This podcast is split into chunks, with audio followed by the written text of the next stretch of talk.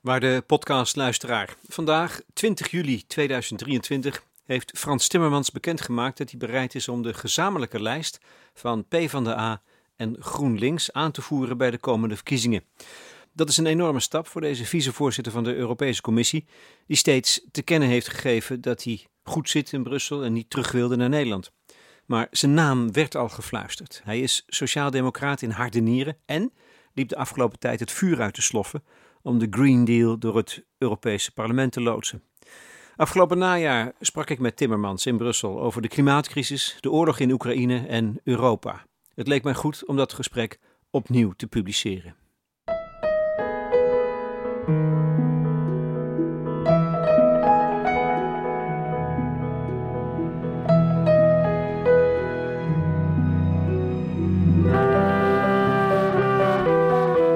Goede gesprekken bij de correspondent. Ditmaal met Frans Timmermans, vicepresident van de Europese Commissie en voorvechter van de Green Deal.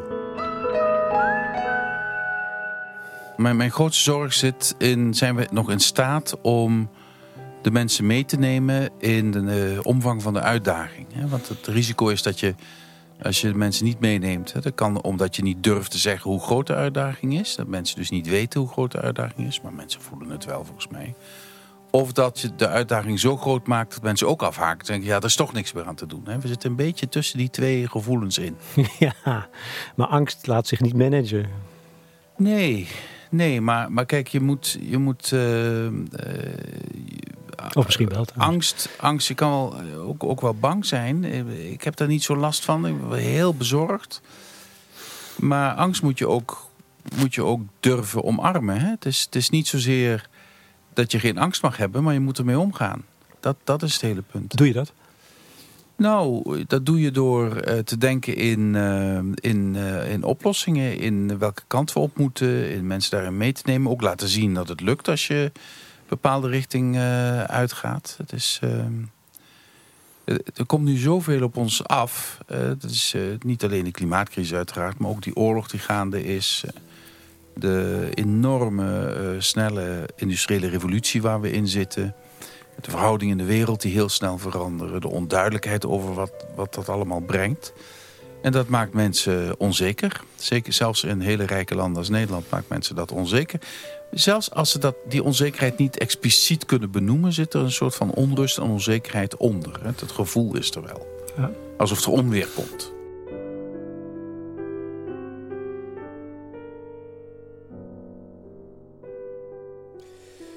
Nee, hij is niet bang. Dat ligt niet in zijn aard. Wel diep bezorgd. Frans Timmermans. De charismatische P van de Aar, die vicepresident is van de Europese Commissie. Veel hoger kun je niet komen. Als ik vraag hoe hij aangesproken wil worden, zegt hij: Ja, waar jij het fijnste bij voelt. Dan wordt het Frans, zeg ik. Ja, dat doet iedereen hier, is zijn antwoord. Ik zeg altijd: zeg maar Frans of anders de bos. Dat hij daarmee een grapje maakt over zijn liefde voor Bruce Springsteen ontgaat me op dat moment. We hebben exact drie kwartier in de radiostudio waar de Europese Commissie over beschikt, inclusief technicus, wat een luxe. Timmermans zit tussen een gesprek met Bill Gates en een lezing over waterstof in. Precies één minuut voor aanvang komt hij binnenlopen, rustig, glasje water. Soms heeft hij wat last van een vermoeide stem, terwijl het zijn grote wapen is, de welbespraaktheid. Drie onderwerpen heb ik voorgesteld. De oorlog in Oekraïne uiteraard, de Green Deal, groot pakket aan maatregelen dat Europa in 2050 klimaatneutraal moet maken. Overigens blijken die onderwerpen op een verrassende manier aan elkaar gelinkt. En tenslotte de complexiteit van de huidige situatie. Het besef leeft in Brussel dat er geen weg terug is naar normaal. Heftig lijkt me dat, in zijn positie. Ja, ja we, gaan niet meer. Kijk, die, die klimaatcrisis die is er al. Hè? Dat is niet iets wat, we, wat we moeten voorkomen. Die is er al. We moeten alleen zorgen dat die niet uh, totaal uit de hand uh, loopt. Uh, goedkope energie, die komt niet meer terug. zolang we niet heel veel duurzame energie hebben. Want die is wel weer goedkoop. Maar we zitten nu... Het, het is altijd moeilijk. Hè? Het, is, het beeld dat ik altijd voor me zie is van een heel wild stromende rivier. We staan aan de ene oever. We moeten naar de andere oever. Die andere oever, dat ziet er allemaal heel goed uit. Maar hoe kom je over die wildstromende rivier heen? Dat is de grote vraag. En dan zie je die rivier stromen. Je weet dat uh, de wolven van de andere kant aankomen rennen. En dan begint het, het relativeren. Ja, die wolven die zijn nog zo ver weg. Uh, maar vervolgens hoor je steeds luider. Dus, ja, ze komen wel heel dichtbij. Um, maar misschien vinden ze hem niet. Um, en dan komen ze nog steeds dichterbij en zeg je... Kom wel dichtbij, misschien vinden ze me wel... maar misschien zijn ze niet gevaarlijk. Hè? Totdat je wordt opgegeten door wolven. Dus ik vind dat je, dat je het voorzorgsbeginsel... dus dat je ook met de slechtst mogelijke uitkomst rekening moet houden... moet bepalend zijn voor de politieke keuze die je maakt. Dus, dus die angst voor die rivier... die moet minder groot zijn dan de angst voor wat er mis kan gaan... als je die rivier niet oversteekt. En dat is eigenlijk de, de kunst van politiek nu. Dat je mensen ervan kunt overtuigen dat ze die sprong over die rivier moeten maken. Dat ze dat moeten durven, omdat het alternatief is dat je blijft zitten in een situatie die op langere termijn veel bedreigender is. Maar wat mij treft in de situatie nu als extreem ingewikkeld voor zeker politieke leiders, is dat er een stapeling van gigantisch ernstige problemen op ons afstormen met, met, met nou ja, grote kracht. En tegelijkertijd, en het zijn problemen die eigenlijk alleen gezamenlijk opgelost kunnen worden. Met z'n allen, binnen, laten we maar zeggen, even beperkt binnen Europa. Dan zijn we al een heel eind. Tegelijkertijd wordt er aan de andere kant van alles gedaan om Europa uit elkaar te trekken. Hoe, hoe, dat is een spanningsveld waar jij middenin staat. Ja. Hoe moet je daar dan mee omgaan? Hoe, hoe sta je daar dan in? Nou, we hebben uh, in de pandemie kunnen bewijzen, na aanvankelijk uh, wat een moeilijke start, dat als we dingen samen aanpakken, dat we er ook veel beter uh, uitkomen. Europa is als continent beter uit de pandemie gekomen dan andere continenten. We zien dat niet heel vaak, maar dat is wel zo. we hebben ook uh, veel hogere kwaliteit aan vaccins kunnen ontwikkelen... die ook voor iedereen beschikbaar zijn nu in Europa. En we hebben meer vaccins met de rest van de wereld gedeeld... dan de zo vaak uh, geroemde Chinese of Russische vaccins. Dus dat is alleen maar gelukt omdat we dat samen hebben gedaan als Europeanen. En dat, zou, en dat wordt ook erkend door heel veel Europeanen. Niet alleen uh, hoe we met die vaccins omgaan, maar ook hoe we besloten hebben om vervolgens ook samen de financiële middelen op te brengen om hier weer uit te komen. En uh, het vertrouwen tussen landen is, tussen mensen en tussen landen is daardoor gegroeid. De, in het noorden zei men, ach, in het zuiden gaan ze toch niet hervormen. Nou, het zuiden laat zien dat ze hervormen. Het noorden zegt, hé, hey, dat is verrassend. En het zuiden zegt, uh, traditioneel. Noord laat ons stikken, want ze hebben een ander financieel beleid. Uh, en dat is voor hen goed, maar voor ons slecht. Maar dat interesseert ze niet. Hé, hey, het noorden is wel over de brug gekomen. Goh, wat goed.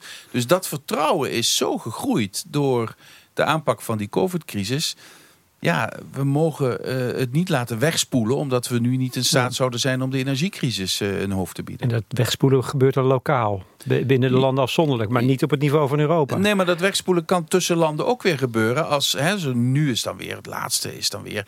die Duitsers zorgen wel heel goed voor zichzelf. Dat kunnen ze ook, ze zijn rijk. Maar wa waarom laten ze ons niet meedelen? Hè? Dus dat, is, dat kan nu ons weer overkomen als we niet voorzichtig zijn vandaag, het is dinsdag de 25e, publiceerde Mark Chavan, collega bij de correspondent, een eigenlijk behoorlijk boos stuk over uh, wat er in Engeland gebeurt.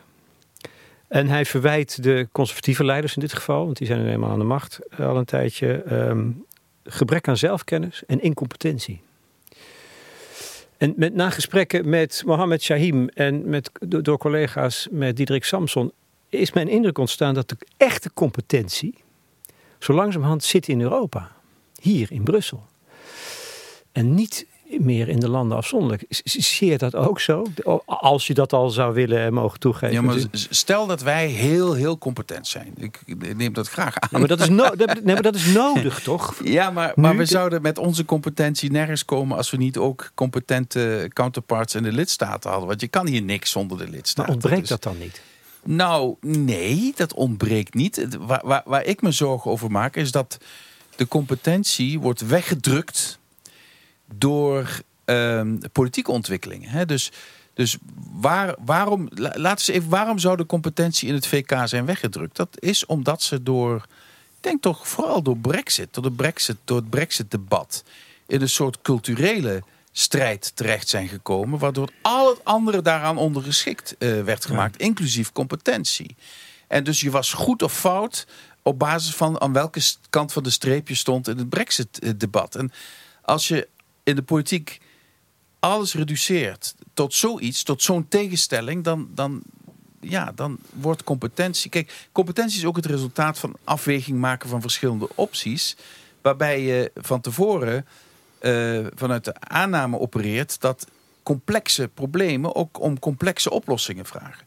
En de hm. politiek die ontstaan is door, door bijvoorbeeld een brexit, maar ook door uh, de, de culturele confrontatie in de Verenigde Staten, die reduceert alle complexe problemen tot simpele oplossingen.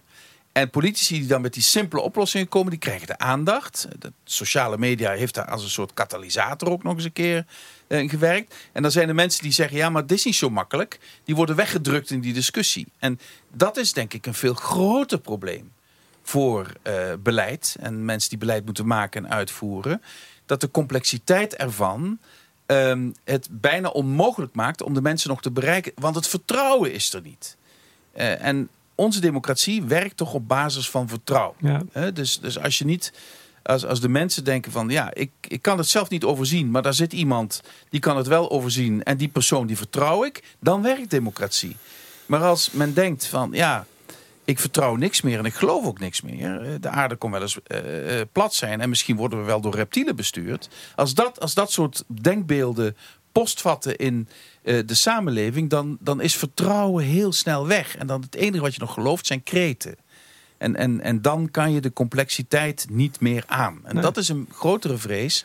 De competentie zit er nog wel, maar die competentie moet wel aan de bak kunnen komen. Nou ja, maar, die, maar mijn indruk is dat hij dus in Brussel beter aan de bak kan. He, nou het gesprek met Diederik Samson eh, vertelde daar veel over. Dat hij, dat, dat hij de hele dag, godschuwelijke dag bezig was met brandjes blussen in Den Haag. En hier kan hij werk doen als topambtenaar. Dus is het zo dat, dat, het toch, dat jij je voelt omringd door mensen, of heb je je bewust omringd door mensen, bij wie je zeker weet, ja, maar die hebben dit in huis. Om die complexe problematiek wel in zijn complexiteit op te kunnen nou lossen.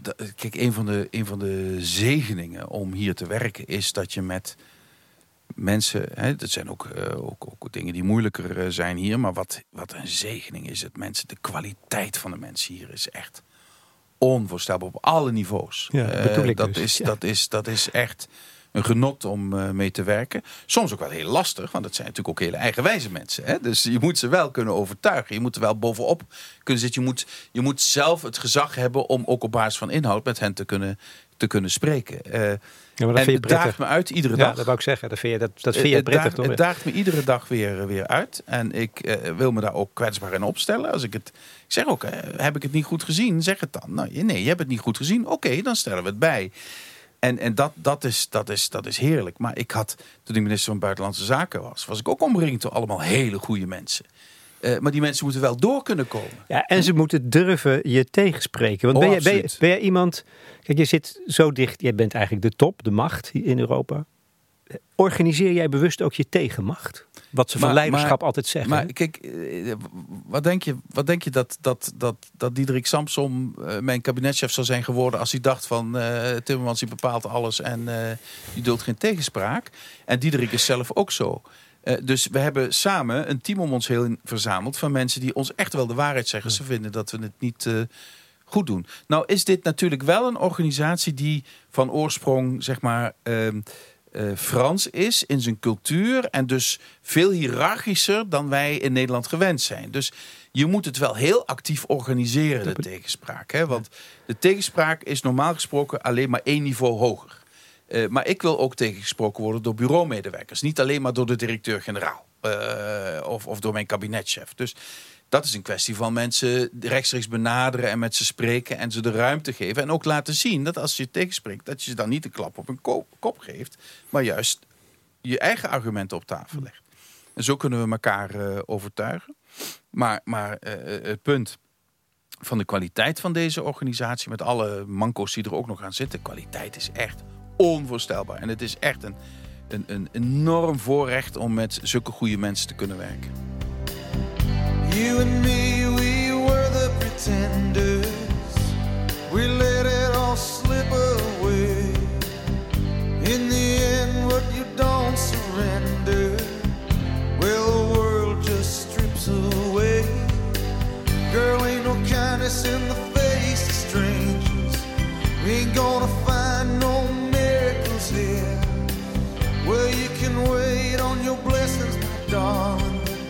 I got a deal for you right here. I looking for Het zal je niet verbazen, Frans, Frans Timmermans, dat er nog twee onderwerpen hier op de agenda staan. Dat is zometeen de Green Deal, waar je verantwoordelijk bent, voor bent binnen Europa. En de oorlog, ik kom er niet omheen. Jij ook niet trouwens. Nee. Hoe dicht zitten wij bij een derde wereldoorlog?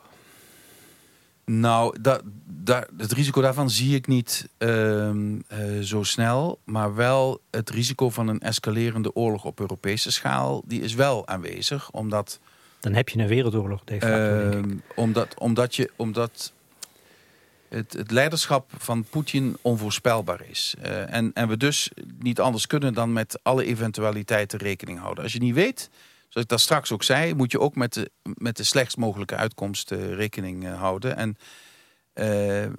een van de dingen die ik geleerd heb in, in de decennia dat ik nog mag werken... is dat we allemaal eh, de neiging hebben om wishful thinking toe te passen. Dus daar moet je enorm tegen wapenen. Want je wil graag dat het goed afloopt. En dan ga je van tevoren wel eens uh, gedachten inprogrammeren die leiden tot een goede afloop. Hè? Zo van, oh, maar Poetin zal wel worden afgezet. Of uh, de Russische bevolking zal zich wel tegen hem keren. Nou, laten we nou gewoon zoveel mogelijk naar de feiten kijken. En de feiten zijn dat uh, als hij zegt, als hij dreigt met een massavernietigingswapen, in welke vorm dan ook dan is dat niet iets wat hij meteen zal doen. Maar het is ook geen loos dreigement. dus tussen die twee situaties uh, moet je inzitten uh, in je reactie.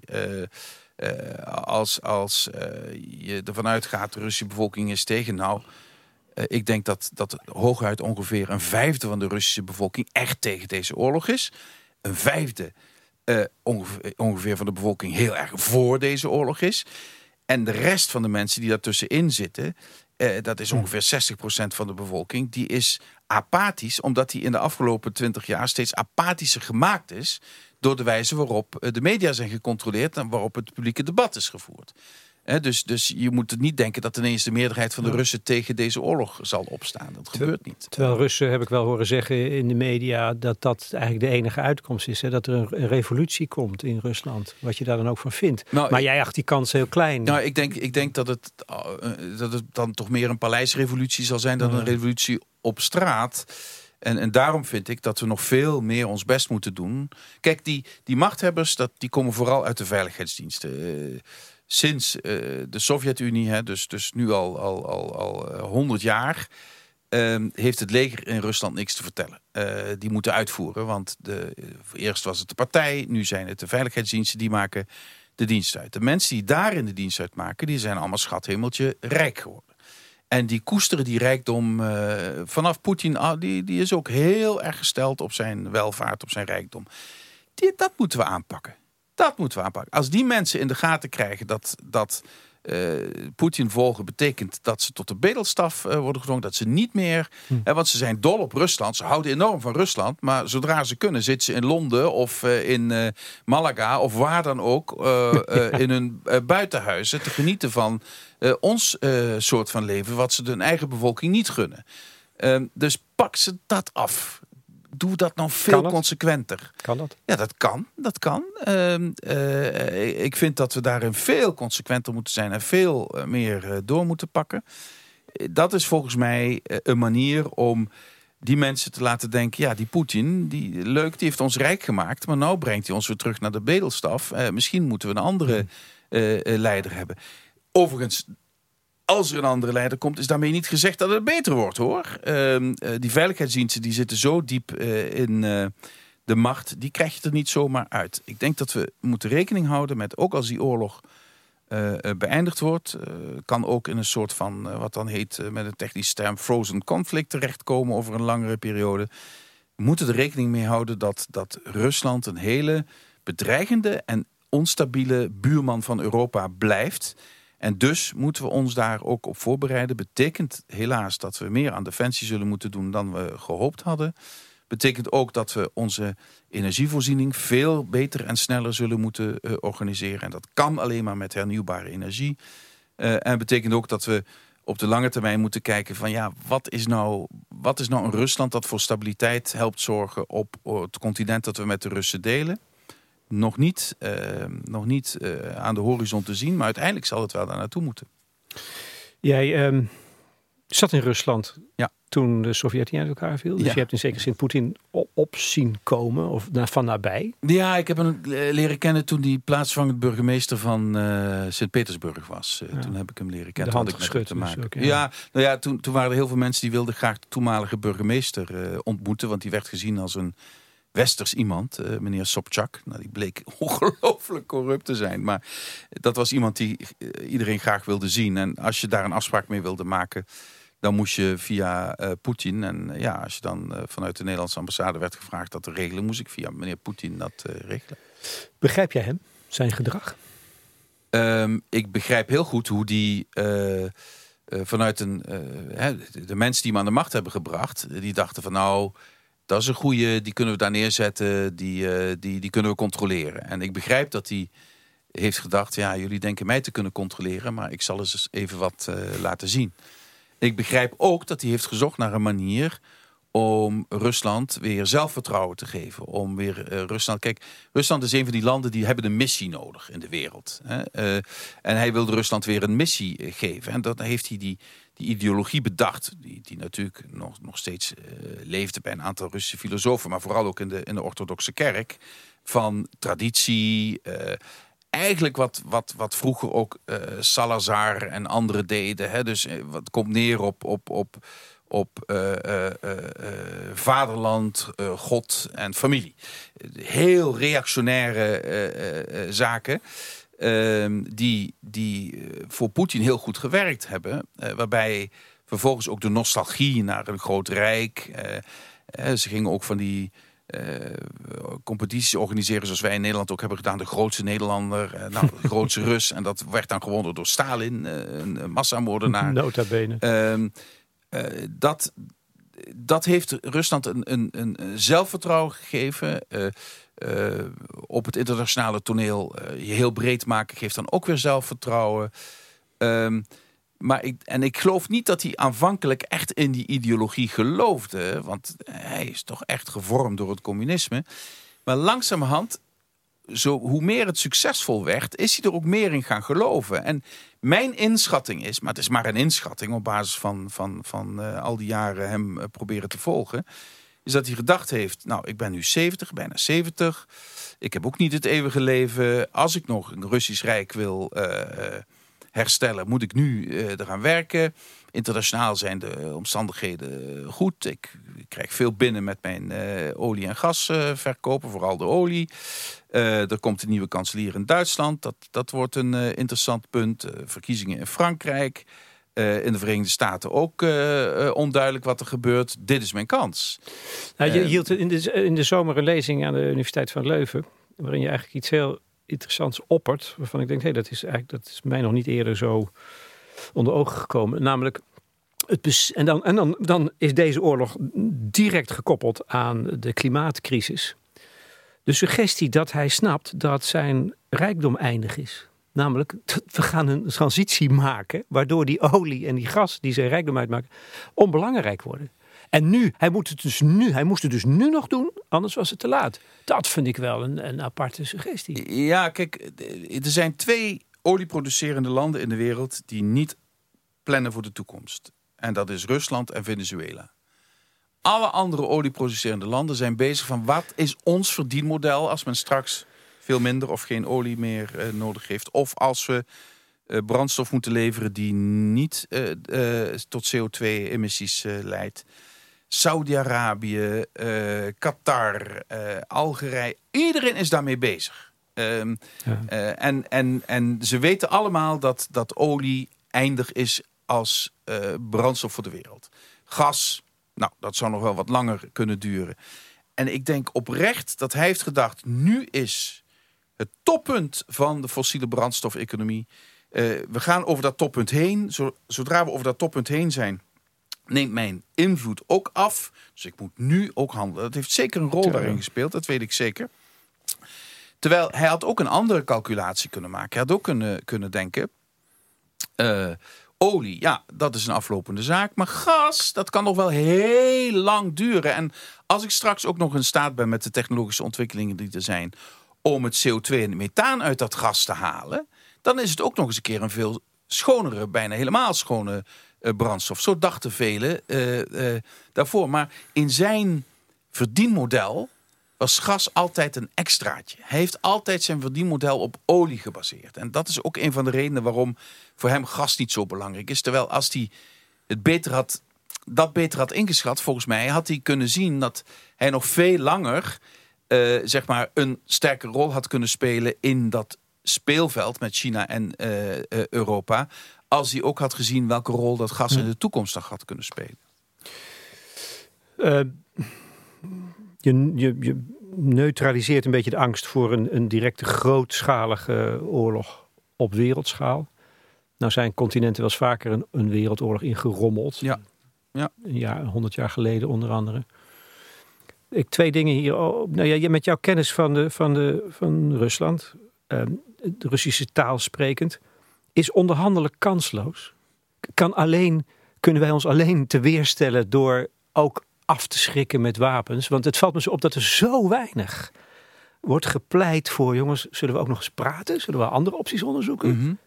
Nou, er wordt, er wordt wel um, aanvankelijk, eh, nee, laat ik anders zeggen. In de Koude Oorlog waren er altijd, dat noemen ze dan backchannels. Dat waren dan toch kanalen waar langs gesproken werd. Zelfs in de hoogtepunt van de Koude Oorlog gebeurde dat. Wisten wij niet, maar dat hoeft ook nee. niet. Nou, dat is een lange tijd afwezig geweest. Maar ik denk dat ik ik denk dat ik nu wel kan zeggen dat dat weer terug is. En, en, nu al? Dave, Dave, ja, het gebeurt nu al? Uh, Achter de schermen? nou, zelfs voor de schermen. De Amerikaanse minister van Defensie en de Russische minister van Defensie hebben recentelijk met elkaar gesproken.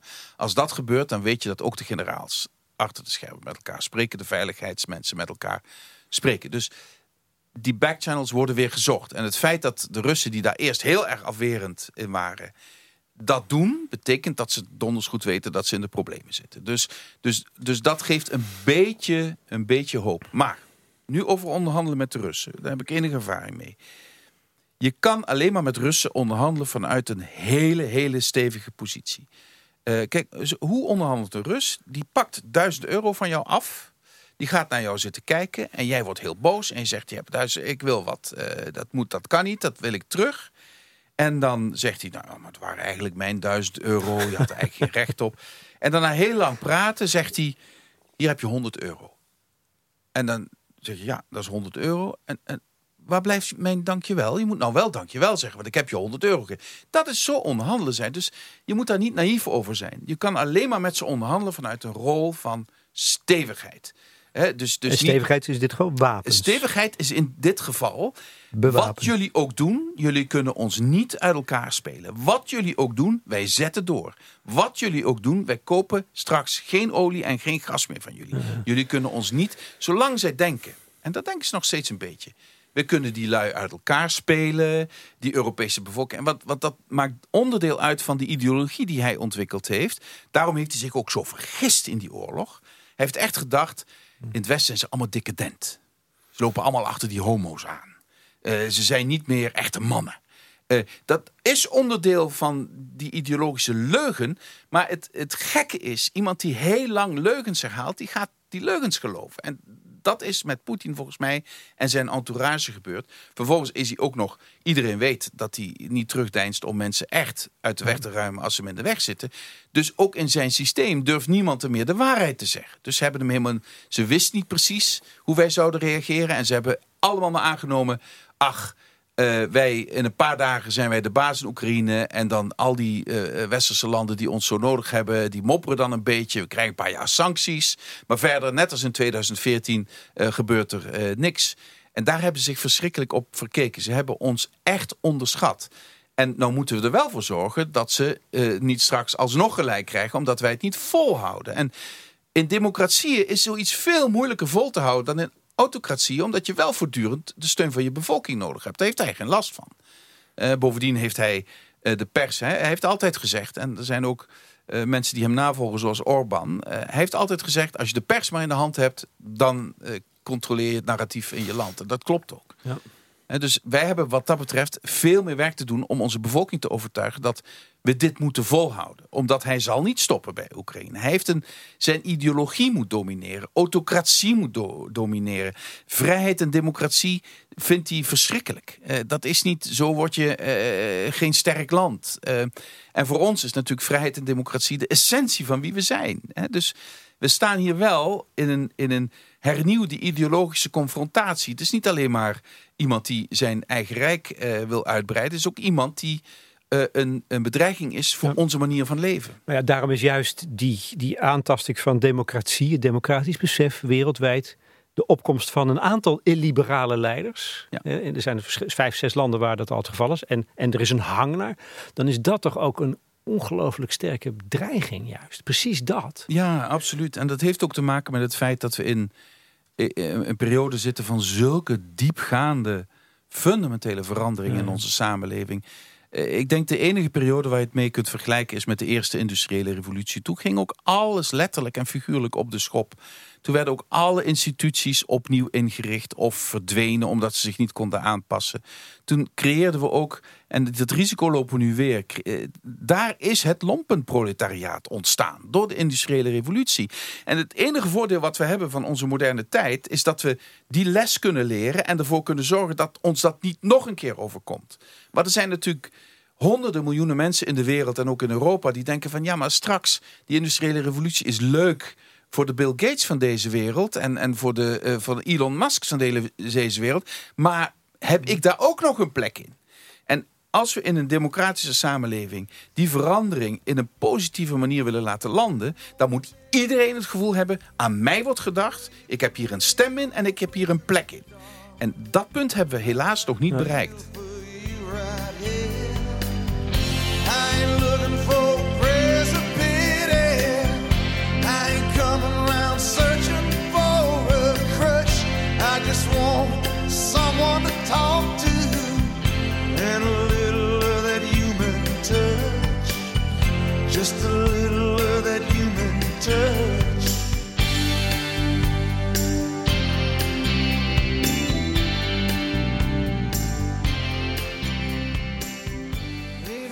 We hebben het inmiddels eigenlijk over de Green Deal, Frans Timmermans. Uh, hoe gaat het ermee?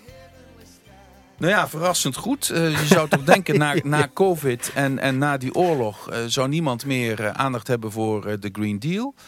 Um, in de eerste plaats blijft het zo dat heel veel mensen in de wereld um, uh, ervan overtuigd zijn dat die klimaatcrisis echt is en een grote bedreiging is. Moeder Natuur doet ook haar best om ons dat bijna iedere dag te laten merken trouwens. Kijk maar naar, naar Pakistan.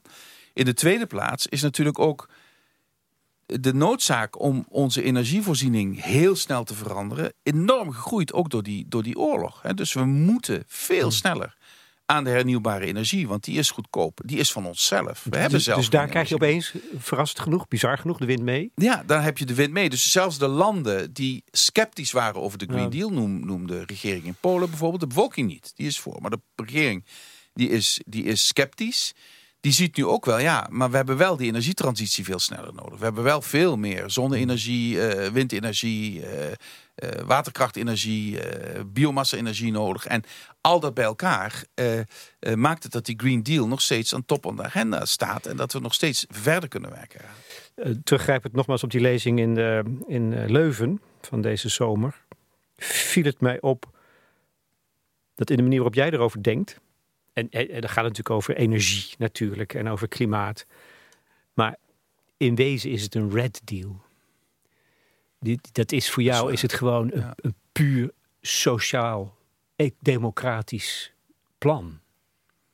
Ja, ik vind, en, ik en vind, dat, en dat geluid hoor je eigenlijk nooit. Ik vind dat, dat moet ik bevestigen, dat klopt. Dat klopt omdat, omdat in tijden van, van industriële revolutie, want daar leven we nu in. Ja is herverdelen is weer het thema dat zal bepalen of de samenleving ermee om kan gaan. Herverdeling van rijkdom. Hè? Gewoon herverdeling van alles de, de, de meest essentiële eh, politieke vraag. Maar, maar, herverdeling van kennis, macht, inkomen. Uh, dat, is het nog, dat is het nog steeds. Herverdelen van macht, omdat heel veel mensen zich niet vertegenwoordigd voelen. Herverdelen van kennis, omdat dit een hoogtechnologische tijd is. En de mensen die die kennis hebben, als ze die niet delen, dan komen zij er wel goed uit, maar de rest niet. En delen bedoel ik niet alleen binnen de samenleving, maar ook mondiaal. Als wij niet Afrika helpen, ook van die kennis, kennis heel snel te uh, profiteren, dan is het jongste continent ter wereld is gedoemd om maar in ellende te blijven zitten. En als zij in ellende blijven zitten, als het dan maar heel zeg maar egoïstisch wil formuleren, komen ze wel hier naartoe. en als je dat niet wil, moet je zorgen dat ze zichzelf kunnen ontwikkelen. En dat kan alleen maar door die kennis te delen. Um, en, en natuurlijk gaat het ook om uh, het delen van macht. Want als je de macht laat zitten bij de grote techbedrijven... Uh, als je de macht niet terugbrengt bij de mensen zelf... dan zullen die voor zichzelf zorgen, maar niet voor de samenleving uh, als geheel. En herverdelen, kijk, ik, laatst ook weer iemand zeggen... daar komt weer zo'n rooie met zijn herverdelen. Ja, maar belastingverlichting geven aan grote bedrijven... is ook herverdelen. Is ook herverdelen. Ja, alleen de andere kant op. Alleen de andere kant op. En dus politiek gaat in wezen altijd over herverdelen. Of over mooie praatjes houden, maar daar, daar hebben we niks aan. Je moet handelen. En dat handelen moet leiden tot een eerlijke verdeling van kennis, macht en inkomen in een samenleving. En zo hou je een samenleving bij elkaar. Dat je, dat je erkent dat sommige mensen het beter hebben omdat ze nou eenmaal meer talent hebben. Uh, maar dat niemand uh, uh, achtergelaten wordt, dat niemand door het ijs zakt. Dat is toch de essentie van hoe we onze samenleving willen inrichten. Ja, nee, wat mij verbijstert. Kijk, jij, jij wordt altijd geroemd om je charisma. Wel bespraaktheid, maar charisma, overtuigingskracht. En nu, zoals je tegenover mij zit, ook weer. Je, het, het, het, het kan mij niet onberoerd laten. En die lezing had dat ook al. Wat ik dus verbijsterend vind, is dat dit verhaal zo slecht doordringt. Snap je? Op, op, in, in Nederland gaat het hier, links is weg. Uh, of dit, links, je hoeft het niet, eens links te noemen, maar dit geluid. niemand snapt dit meer, omdat het slecht wordt uitgelegd.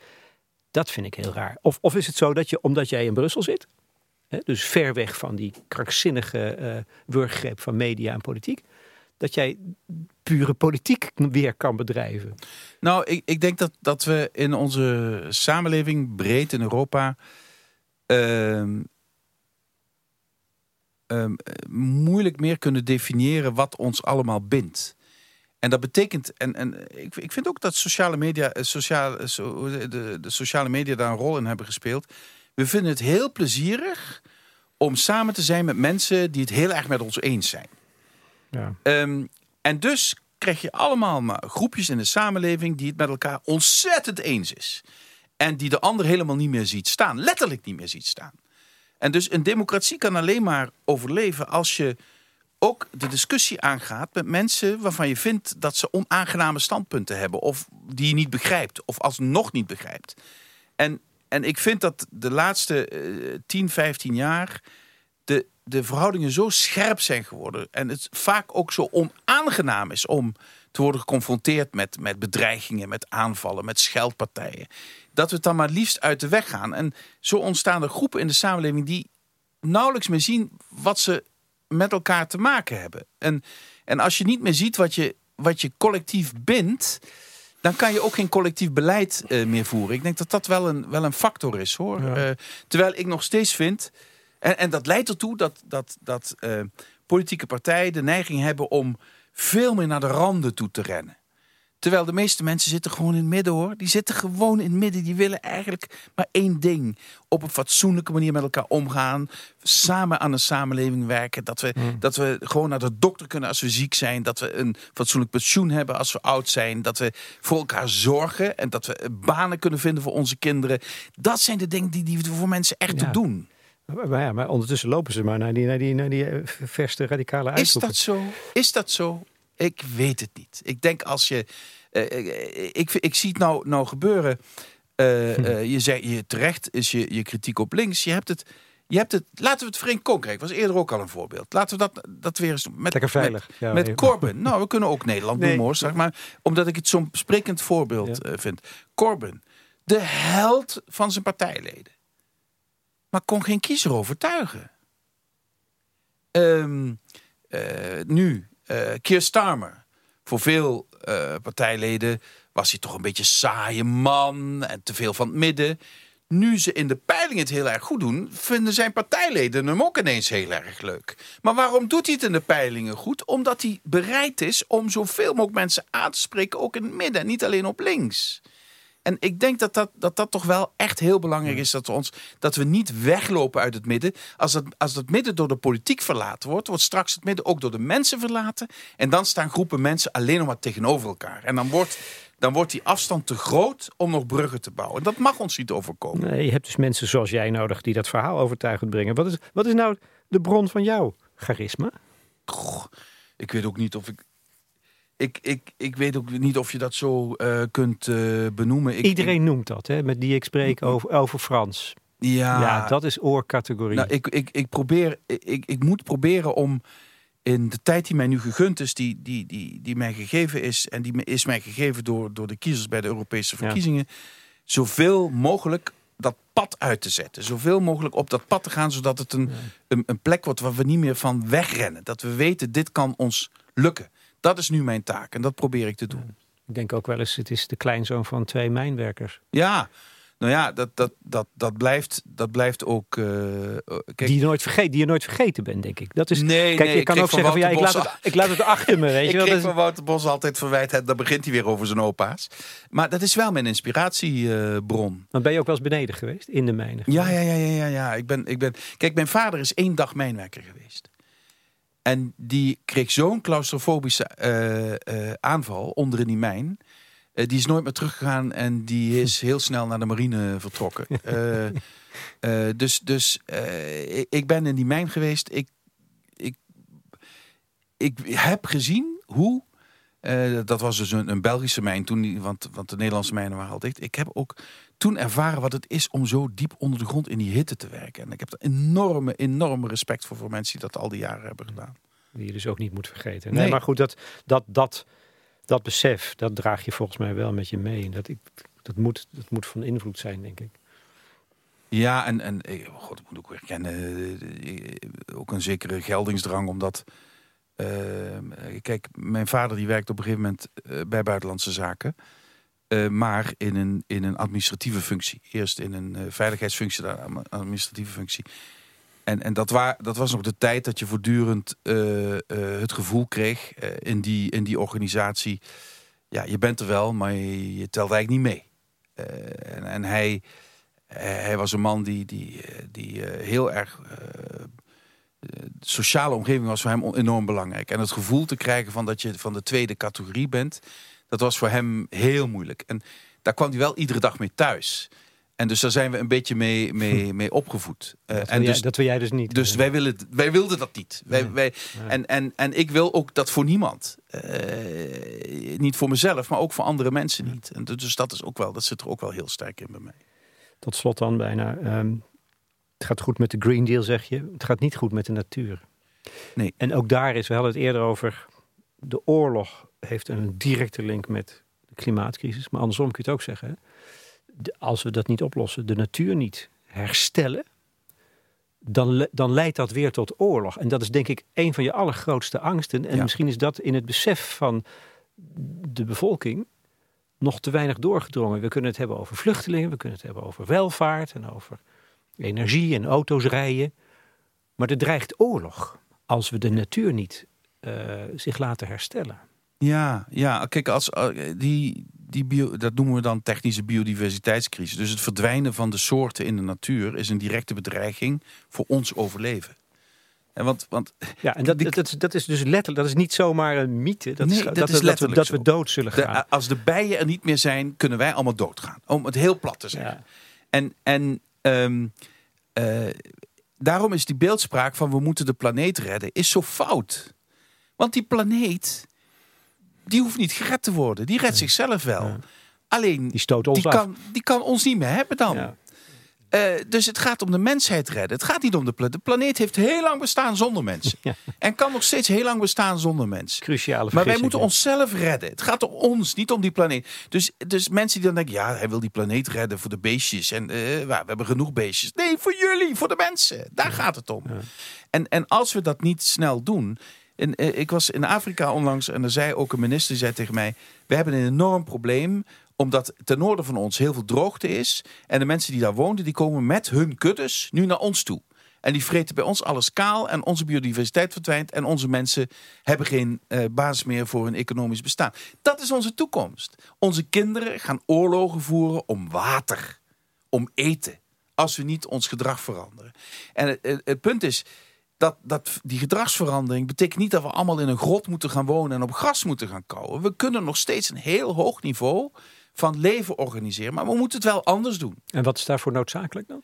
Daarvoor, is, nood, daarvoor is noodzakelijk dat we heel snel die uh, uitstoot uh, verminderen. Dat, dat kan ook. Dat, we, dat, dat, betekent veel minder uh, fossiele brandstoffen gebruiken. Dat betekent een veel circulaire economie. Overigens is Nederland daar ook leidend in. Hè, dus dat we producten veel langer gebruiken, hergebruiken, recyclen en de grondstoffen opnieuw gebruiken.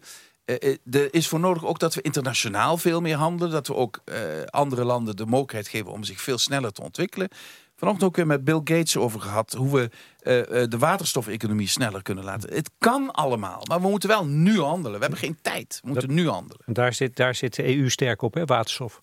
Ja, groene waterstof is. En dat komt eigenlijk. Er zijn ook een paar Nederlanders die daar de aanzet toe, toe, hebben gegeven. Iemand als Ad van Wijk heeft daar echt een belangrijke rol in gespeeld. om die gedachten in die kant te krijgen. En ik denk dat, dat waterstof, groene waterstof en ammonia en andere uh, uh, schone brandstoffen, die gaan ons helpen om dit probleem op te lossen. Ja, ja. vandaag publiceert Greta Thunberg een, uh, haar boek waarin ze het complexe probleem in zijn complexiteit behandelt door, ik weet niet hoeveel mensen allemaal een, een facet te laten belichten en niet de minste. En Eva Rovers en David van Rijbroek hadden een gesprek met haar en zij is zij is eigenlijk buiten. De hoop ligt in het doen. Ja. Haar wanhoop ligt in de rol van de politici. Die, die het verhaal niet duidelijk genoeg voor het voetlicht brengen in al zijn angstaanjagendheid. En dat is natuurlijk lastig, lijkt me. Want je moet angst aanjagen, maar dat is niet wat je wil. Je moet een profeet zijn, maar dat, is, dat stoot mensen af. Ja. Hoe krijgen we zover? Dat is echt mijn, bijna ja, maar, mijn maar, laatste vraag. Maar het, het gekke is dat door mensen niet de hele waarheid te vertellen... dat mensen voelen dat intuïtief. Ja. En dan denken ze van ja, je hebt mooie praatjes, maar uh, ik vertrouw niet helemaal. Dus je moet mensen durven te. Je moet wel vertrouwen hebben in de mensen. Als je de mensen die vertrouwt, vertrouwen ze jou ook niet. En vertrouwen geven is ook vertrouwen krijgen. Vertrouwen geven en dit niet krijgen is mogelijk.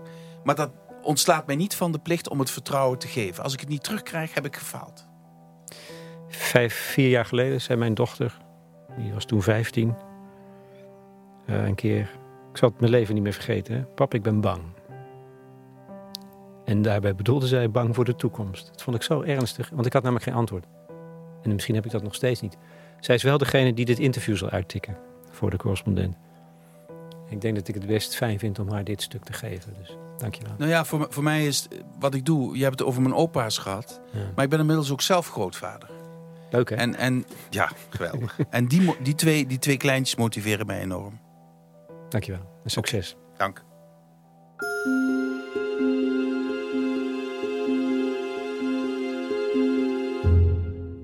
Frans Timmermans, EVP, oftewel vice president van de Europese Commissie, in gesprek met Lex Bolmeijer voor de correspondent. Voor reacties en discussie kun je terecht op ons platform. Dat is toegankelijk voor leden. je bent al lid voor negen tientjes per jaar. Daar krijg je dan dus een jaar lang kwaliteitsjournalistiek voor voorbij de waan van de dag.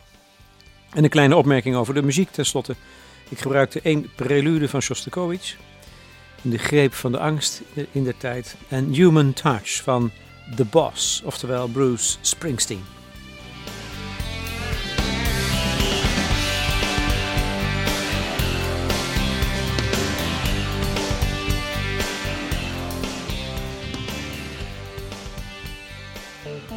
Is de missie van de correspondent om voorbij de waan van de dag te gaan. Onze correspondenten voorzien het nieuws van context en schrijven over de grote thema's van deze tijd. De correspondent geeft me de vrijheid om mijn nieuwsgierigheid te volgen en de tijd om verhalen te schrijven. En zo probeer ik onzichtbare structuren zichtbaar te maken en een andere kijk te bieden op debatten die het nieuws domineren. Dan gaat het minder over het spelletje en veel meer over wat er op het spel staat. Vanaf dag 1 zijn onze artikelen, boeken en podcasts gefinancierd door onze leden. Volg ons op onze journalistieke zoektocht. Overweeg eens lid te worden van de correspondent. En maak daarmee samen met ruim 70.000 anderen onze onafhankelijke journalistiek mogelijk. Dus word lid Van de correspondent. Ja. Word lid. Word lid.